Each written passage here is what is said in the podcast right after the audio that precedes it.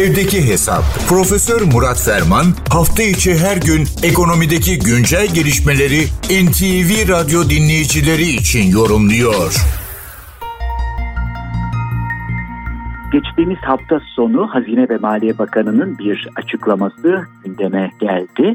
Kayıt dışı ekonomiyle mücadele kapsamında 2024 yılında yapılacak çalışmaların bir parçası olarak kira denetimlerinin kapsamlı ve tüm ülke çapında yürütüleceğine vurgu yaptı Sayın Bakan ve kira gelirini beyan etmeyene ceza geliyor dedi. Yaklaşık 4,5 milyon konutun analiz edileceğini ve buradan hareketle gereken işlemlerin yapılacağını ifade etti. Bu epey tartışma yarattı. Hatta işin uzmanları pratik olarak emlakçılar, emlak uzmanları dediler ki mülk sahipleri evlerini kiraya verenler yaklaşık bir aylık kirayı bu şekilde vergi olarak zaten göz önüne almak zorundadırlar ifadesini kullandılar.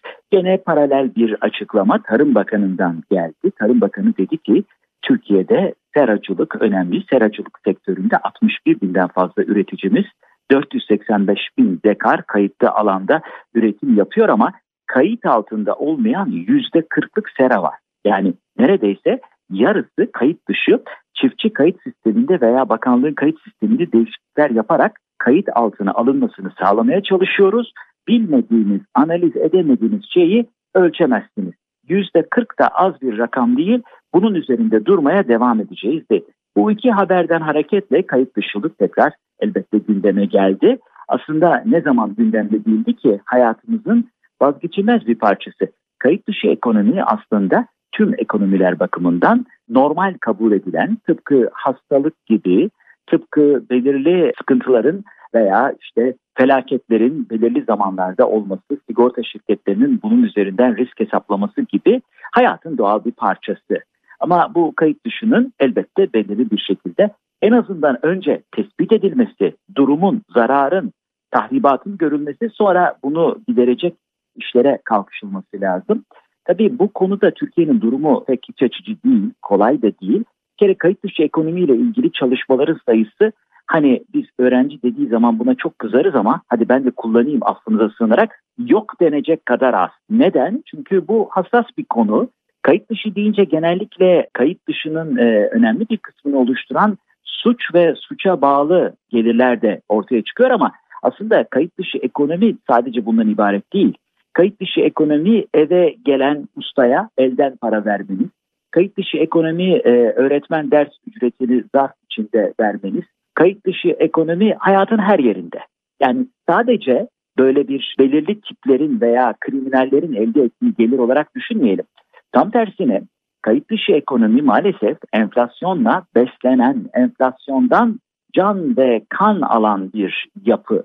O bakımdan kayıt dışı ekonomi sadece böyle dediğimiz gibi illegal faaliyetlerden kaynaklanmıyor. Hatta biraz zorlanırsa kayıt dışı ekonomi mesela köyden, memleketten tayin pekmez gelmesine kadar gider. Yani kayıt altına alınmayan her türlü gelir iradı aslında bu çerçeve içinde değerlendirilir. Hal böyle olunca biz biraz işi sulandırmak veya görmezden gelmeyi tercih ediyoruz. Çünkü itiraf edelim yani hani bu enflasyon ortamında kayıt dışı ekonominin çok da üstüne gidilirse ne gibi yan etkilerinin veya majör etkilerinin olacağını herhalde herkesten evvel siyasetçiler düşünüyorlar.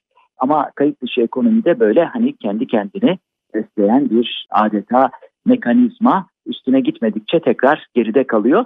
Peki nasıl mücadele edilir? Bunlardan bir tanesi tabii kayda geçirmek ekonomiyi, bütün ekonomik alışverişlerin, transaksiyonların kayıt altına alınması. Bu da cash yani nakit alışverişin belirli sınırlara getirilmesi. Avrupa Birliği'nde yeni bir düzenleme yapıldı. 10 bin avronun altında nakit ödeme üstünde düzeltiyorum. Nakit ödeme yapılamayacak, kabul edilemeyecek. E, Türkiye'de de bu sabahki bir haber ilgimi çekti. Onunla kapatayım. 200 TL'lik banknotlar piyasayı ele geçirdi. Biliyorsunuz ısrarla 200 liranın üzerinde banknot basılmıyor. Böylece bu tür alışverişlerde mesela emlak alışverişlerinde böyle çantalarla gezen bir sürü tip görüyoruz tapu dairelerinde. Ama netice itibariyle hani 200 liranın üstüne basmam bu şekilde e, kayıt altına alır meselesi de kulağa ters taraftan göstermek gibi daha kapsamlı ve köklü duruşlara ihtiyaç var söz kayıt dışı ekonomi olduğunda. Bu genel değerlendirme çerçevesinde değerli dinleyenlerimize katma değeri yüksek ve yüksek katma değerli bir gün diliyor. Huzurlarınızdan hürmetlerle diliyorum. Profesör Murat Ferman'la evdeki hesap sona erdi. Kaçırdığınız bölümleri www.ntvradio.com.tr adresinden dinleyebilirsiniz.